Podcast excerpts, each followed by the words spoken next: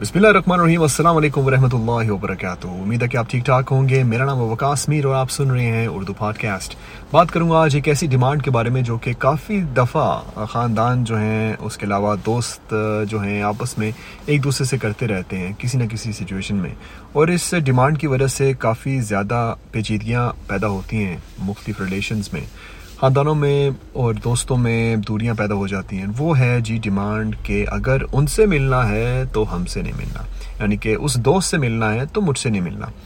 یہ ایک بہت ہی آپ کہہ سکتے ہیں کہ اس طرح کی سچویشن ہوتی ہے جہاں پر آپ نہ چاہتے ہوئے بھی اتنے سیلفش ہو جاتے ہیں کہ آپ یہ چاہتے ہیں کہ پوری دنیا جو ہے چلے پوری دنیا چھوڑیں۔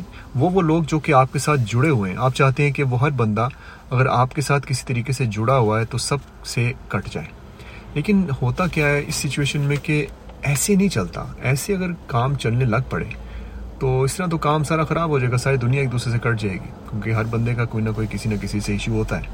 تو اس سچویشن میں آپ کو یہ دیکھنا پڑے گا کہ کیا میں یہ جو ڈیمانڈ کر رہا ہوں یا کر رہی ہوں، کیا یہ ریئلسٹک ہے؟ کیا یہ ایسی ڈیمانڈ ہے جس کے اوپر اگلے بندے کو عمل کرنا چاہیے؟ اور اگلے بندے کو اگر عمل کرنا بھی چاہیے اس چیز کے اوپر، تو کون سی ایسی وجوہات ہے جس کی وجہ سے آپ پہلے بندے سے آپ کی نہیں بن رہی، یا نہیں بن، بنی؟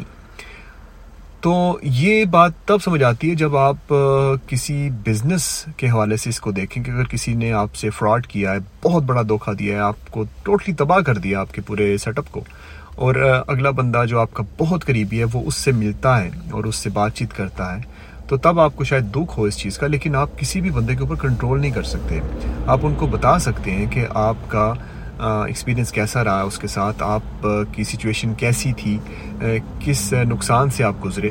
لیکن آپ کبھی بھی، کسی بھی طریقے سے، کسی بھی بندے کو آپ کنٹرول نہیں کر سکتے۔ اگر وہ بندہ اس، پھر بھی اس بندے سے بات کرتا ہے تو آپ اتنا کر سکتے ہیں کہ آپ اپنے اوپر کچھ اس طرح کے رولز لگا دیجیے یعنی کہ اس طرح کی حدود لگا دیجیے کہ آپ کس لیول تک اس بندے کے ساتھ ملنا چاہتے ہیں، کس لیول کی دوستی رکھنا چاہتے ہیں۔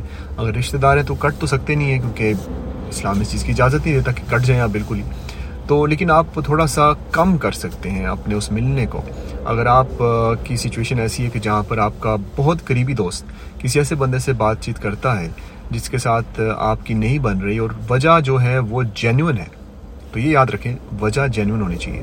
یہ نہیں کہ آپ کی طرف سے انا کا مسئلہ بنا ہوا ہے۔ اگر آپ کی طرف سے انا کا مسئلہ ہے اور آپ کا دوست پھر بھی اس سے مل رہا ہے، تو پھر یہ جینون بات آپ کی طرف سے بالکل نہیں ہے۔ پھر یہ ہوتی ہے انا اور سیلفشنس اور اس طرح کی سچویشنز میں کسی کو کسی سے روکنا جو ہے وہ بہت ہی غلط ایک قسم کی ڈیمانڈ ہوگی۔ تو پہلی بات یہ ہوگی کہ فرینڈز میں، دوستوں میں اور خاندان میں جب یہ سچویشنز کریٹ ہوتی ہیں کہ آپ کسی ایک بندے سے ملتے ہیں جس کی پہلے کسی بندے کے ساتھ نہیں بنتی، تو یہاں پر بھی معاملہ یہاں یہاں تک آ جاتا ہے کہ اگر اس بندے جس سے آپ مل رہے ہیں، اگر آپ کی کسی سے کسی نے آپ سے ڈیمانڈ کیا کہ آپ نے فلاں بندے سے نہیں ملنا اور وہ بندہ جو ہے آپ کا، آپ کے چچا ہوں فار ایگزامپل اور آپ کے ماما جی نے کہا کہ آپ نے چچا سے نہیں ملنا، آپ نے اگر چچا سے ملے تو مجھ سے ختم. تو یہ ڈیمانڈ بہت غلط ہوگی، بہت سیلفش ہوگی، ایک بہت ہی غلط طریقے سے کسی ایک بندے کو خاندان سے کاٹنے کی بات ہوگی. ایک ایسے مذہب سے تعلق رکھتے ہوئے جس میں سلا رحمی کا کہا گیا ہے، اس کے علاوہ اس طرح کی سچویشنز میں اگر آپ کسی کو کہتے ہو کہ بالکل کٹ جائیں، تو آپ ایک قسم کا اگلے بندے کو گناہ پہ پش کر رہے ہیں.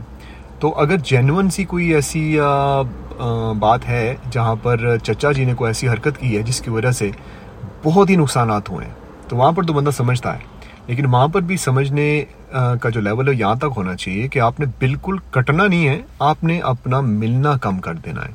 اور اگر سچویشن یہاں تک پہنچ چکی ہے کہ کہیں ہوتے ہیں چچا اس طرح کے کئی مامے بھی اس طرح کے ہوتے ہیں کئی کزنس بھی ہوتے ہیں کئی بزرگ بھی ہوتے ہیں جو کہ بہت کچھ کر چکے ہوتے ہیں تو وہاں پر آپ اگر سچویشن خود نہیں ہینڈل کر پا رہے، تو ظاہر سی بات ہے کچھ لوگوں کو انوالو کر کے اس کو سالو کیا جائے۔ لیکن میں اس چیز کے حق میں بالکل نہیں ہوں ڈیمانڈز وغیرہ کے۔ پہلے پہلے شاید کافی سال پہلے اس طرح کی سوچ ہوتی ہو کہ اگر کسی بندے نے کچھ غلط کام کیا ہے، کوئی ایسی ویسی حرکت کی ہے جو کہ صرف میری شخصیت کے ساتھ اس کا تعلق ہے۔ یعنی کہ کوئی ایسی بات نہیں اس بندے نے کی جو کہ جسے قیامت آ سکتی ہو۔ تو میں کسی سے ڈیمانڈ کروں کہ میرے دوست نے تو اس کی بات میرے سامنے نہیں کرنی۔ ٹھیک ہے، اتنا اتنی سی ڈیمانڈ کافی ہوتی ہے، یہ آپ کر سکتے ہیں۔ لیکن یہ کہنا کہ میرے دوست ہیں تو اس سے ملنا نہیں ہے، تو آئندہ مجھ سے بھی نہیں ملنا۔ تو آپ نے ایک قسم کا اس کو تو کاٹنے کا کہہ دیا اور خود بھی کٹ گیا اس سے۔ تو آپ اگلے بندے کو یہ بھی بتا رہے ہوتے ہو کہ بھائی صاحب، میں معاف کرنے والوں میں سے نہیں ہوں۔ اور نبی پاک صلی اللہ علیہ وسلم کی سب سے خوبصورت میں سے یہ بھی ہے کہ وہ معاف کر دیتے تھے۔ تو اگر آپ نبی پاک صلی اللہ علیہ وسلم کے امتی ہیں اور ایک ایگزامپل بن کے رہنا چاہتے ہیں اپنے بچوں کے لیے، اپنے فیملی ممبرس کے لیے تو معاف کرنا سیکھیں۔ اور معاف کرنے کا مطلب یہ نہیں ہوتا کہ فرگیو اینڈ فرگیٹ کئی دفعہ ہوتا ہے کہ آپ کو فرگیو کر کے آپ فرگیٹ نہ کریں اس کو۔ آپ سچویشن کو، اس سچویشن کو بھول جائیں جہاں پر آپ کے ساتھ کوئی کسی نے غلط کچھ کیا۔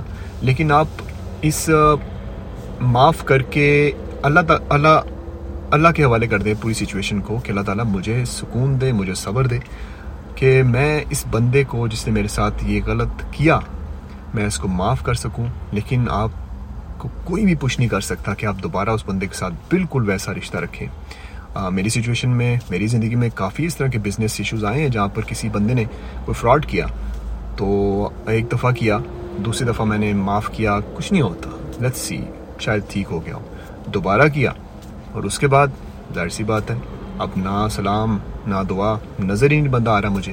اور جب نظر آتا ہے، میں سائڈ سے سلام کر کے دور سے اگر کبھی ہو بھی جائے، تو سلام کر کے سائڈ پہ۔ میں دوبارہ اس بندے کے ساتھ کبھی زندگی میں انٹریکشن نہیں کر سکتا۔ اس لیول کی جو پہلے تھی۔ ویسے اگر ہو جائے تو ہو جائے، لیکن انٹریکشن ویسی کبھی نہیں ہو سکتی۔ جیسے پہلے بزنس کے بارے میں بتانا سیکرٹس بتانا، یہ ایسے کرنا، یہ ایسے کرنا۔ تو یہ آپ کے اپنے اوپر ہے کہ آپ کس لیول کی کسی کے ساتھ رکھنا چاہتے ہیں۔ لیکن یہ ڈیمانڈ جو ہے نا اس کو چھوڑ دیں، یہ کسی کو کنٹرول کرنے کے لیے آپ کو اللہ تعالیٰ نے اس دنیا میں نہیں بھیجا۔ صرف اور صرف حکم اللہ کا چلتا ہے۔ آپ کا حکم اگر اس لیول کا ہے کہ آپ کہتے ہیں کہ یہ نہیں تو کچھ بھی نہیں۔ اگر میرے ساتھ رکھنی ہے تو اس کے ساتھ، تو یہ بہت غلط ہوگا۔ اپنا خیال رکھے گا۔ اللہ حافظ۔